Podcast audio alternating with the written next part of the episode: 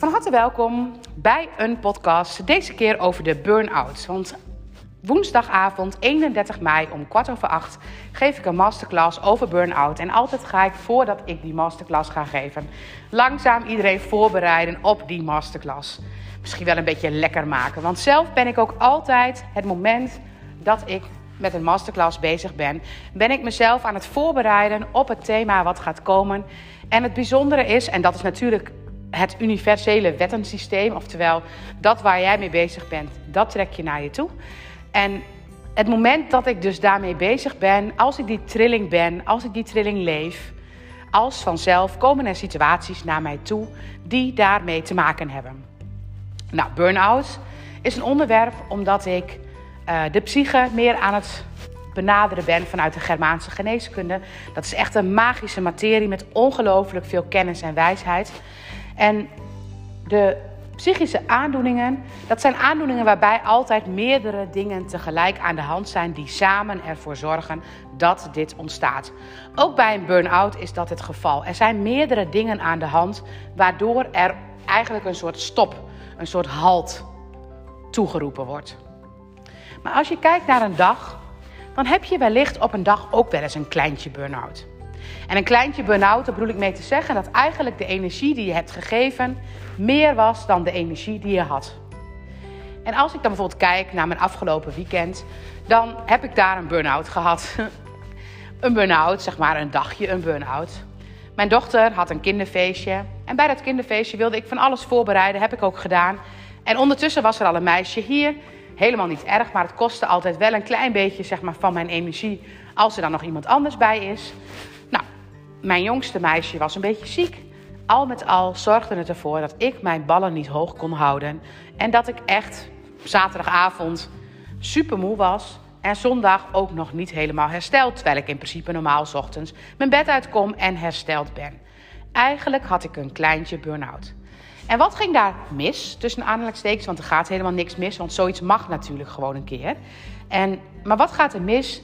Ik gebruik te veel energie voor de energie die ik eigenlijk heb. Kijk, en niet elke dag heb je dezelfde hoeveelheid energie. Het is echt heel erg bepalend voor um, in welke periode van je leven je wellicht zit. Of uh, of je lekker in je werk zit op dit moment. Alles heeft, is van invloed. Zelfs de maanzanden, de, de periode van het jaar waar jij het prettigst bij voelt.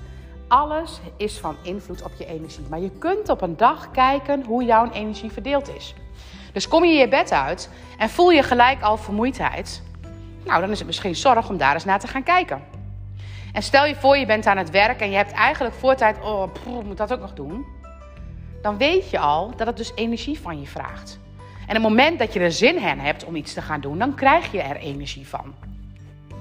Nou, als ik een feestje moet organiseren, dan wil ik altijd van alles daarbij organiseren. En ze gingen een t-shirt maken en ik ging een escape room maken, wat zeker geen aanrader is, want het is een enorme klus. Maar ik wil dat heel graag. En bijna wil ik dan de moeite onderweg opgeven, want het kost me zoveel energie. En uiteindelijk, als ik het dan gedaan heb en het is toch niet helemaal vlekkeloos verlopen, oh, dan baal ik er nog van dat het niet goed is gegaan en dan heb ik nergens energie van gehaald. Terwijl als ik ernaar kijk en ze hadden plezier, dan zou ik dus eigenlijk gewoon energie moeten gaan pakken.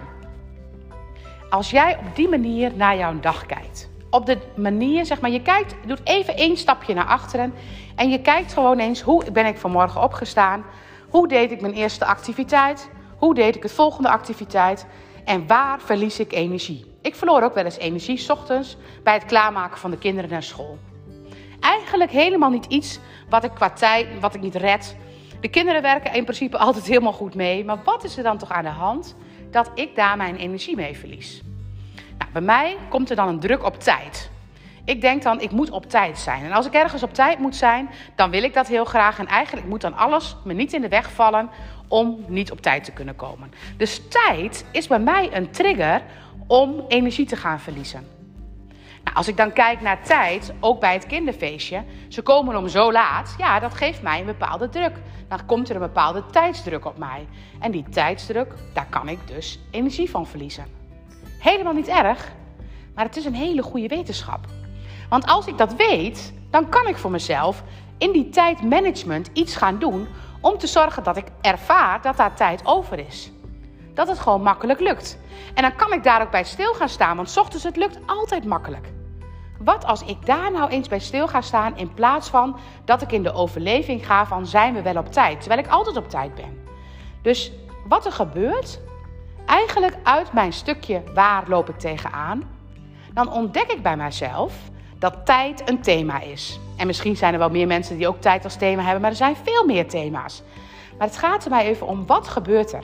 Als er tijdsdruk komt, dan ga ik dus automatisch in de vechtvlucht verstarren. Ik ga automatisch in mijn overlevingsstrategieën. Ik ben ook meteen een minder leuke mama.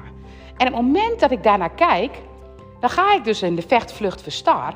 En als ik in de overlevingsstrategieën sta, dan kan ik niet meer zien de andere kant. Dat ik tijd genoeg heb, dat het ook relaxed kan. Dus ik ga in een overlevingsstrategie, waardoor ik maar één kant van het verhaal belicht en de andere kant niet. En nu ik dan weet voor mezelf, hmm, tijd, daar ga ik dus van vechten. Of in elk geval, daar ga ik van stressen. Wat als ik nou eens achter me kijk en voor mezelf eens eventjes ga kijken, hmm, ben ik altijd op tijd? Ja, ik ben eigenlijk altijd op tijd. Waarom maak ik me daar dan zo druk om? En als je dan kijkt terug in je leven naar momenten die op een tijd gaan. Nou, dan heb ik als eerst heb ik een moeder die altijd te laat was. En altijd te laat zijn, dat was voor mij super naar, want dat wilde ik helemaal niet. En dat altijd te laat zijn, als ze ergens kwam, daar maakte ik me meteen ongelofelijke zorgen. Wat zou er wel niet gebeurd zijn? Dat is trigger 1 die op tijd zit. Dat zou ik nooit aan mijn kinderen willen laten voelen. Omdat ik dat zelf zo lastig vond. En hoe kan ik dat dan oplossen bij mezelf? Door te voelen hoe lastig dat was. Want je hoeft helemaal niet te denken van oké, dat was mijn moeder, allemaal ingewikkeld. Nee, het moment dat ik dan mijn moeder te laat was, zeg maar, en ik daar stond, dan, dan voelde dat vervelend voor mij. Ze was niet op tijd. En ik heb blijkbaar die trigger bij mijzelf nog niet weggehaald. Ik mag voelen hoe dat voelde voor dat meisje die dan niet op tijd opgehaald werd. Als ik die laag van me afhaal, krijgt tijd een hele andere lading. En als ik dan bijvoorbeeld nog een keer terug in de tijd ga, dan weet ik dat ik gewoon 2,5 week te laat geboren ben. Te laat.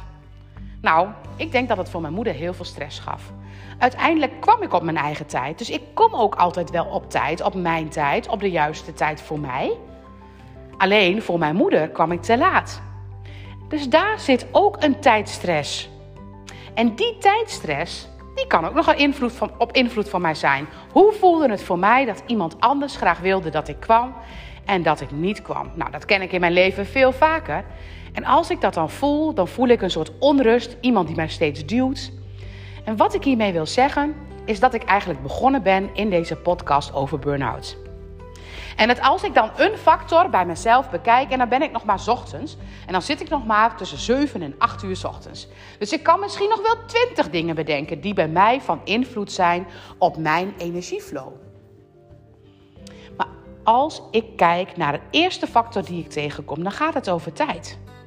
En het thema tijd, het moment dat je in die ochtendspits zit, spits valt wel mee hoor, maar als ik in dat ochtendmoment zit en ik zit daarin en ik ervaar dat ik misschien te laat kom, dan heb ik nu al twee ervaringen in mijn voorgeschiedenis die ik zou kunnen aankijken om de lading eraf te halen. En het bijzondere is, als je die lading eraf haalt, komt er gelijk een compleet andere balans. Dan voelt die tijdsdruk veel minder en dan kun je beter in de energie blijven. Kijk, en nu ben ik nog maar bij tussen 7 en 8. Dus hoeveel van dat soort momenten hebben we op een dag waar je denkt dat je opeens een, een, een, een trigger krijgt? Ik krijg bijvoorbeeld ook een trigger als ik opeens heel veel opdrachten heb. Nou, dat is ook een hele goede om eens terug te kijken in de tijd wanneer ik dat heb gehad en hoe dat voor mij voelde. En kijk voor jezelf eens niet waar jij een burn-out van krijgt. Want dat is natuurlijk een mega opstapeling van allemaal van dit soort energielekjes. En dan gebeurt er ook echt iets in het lichaam dat het lichaam boycott dat jij nog van die energielekjes hebt. Dus het lichaam gaat dan van 0 naar 100 reageren. Dus het is zaak om eerder dit soort dingen te pakken. Waar ga jij op lek? Wat kost jouw energie? En zonder dan allemaal strategieën te gaan verzinnen om het makkelijker te krijgen, voel dan eerst eens waar die andere situatie dus niet op tijd zijn, bijvoorbeeld bij mij, een extra trigger had. Want als je die lading eraf haalt, ontstaat er uit zichzelf een nieuwe situatie. In mijn masterclass van Burnout, en je kunt hem vinden op mijn site, bij de trainingen en bij, bij webinars. Daar kun je in kun je kijken. En als je daar gaat kijken, dan kun je daarvoor inschrijven voor woensdag 31 mei. En tot die tijd neem ik je mee in allemaal podcasts. Natuurlijk ook wel over andere onderwerpen, maar ook over het kijken naar jouw energieflow. Want als je begrijpt hoe dit werkt, dan doe ik het nu alleen nog maar op kleine triggers. En dat kun je ook op hele grote triggers doen. Maar oh, wat is het mooi om eens te kijken hoe die triggers precies matchen met jouw zwangerschap en geboorte. Dat je eigenlijk daar het antwoord aan weet. En hoe die triggers precies matchen met dat wat je kind je altijd al spiegelt. Want je kind spiegelt dat precies. En hoe dat ook precies klopt met de universele wetten.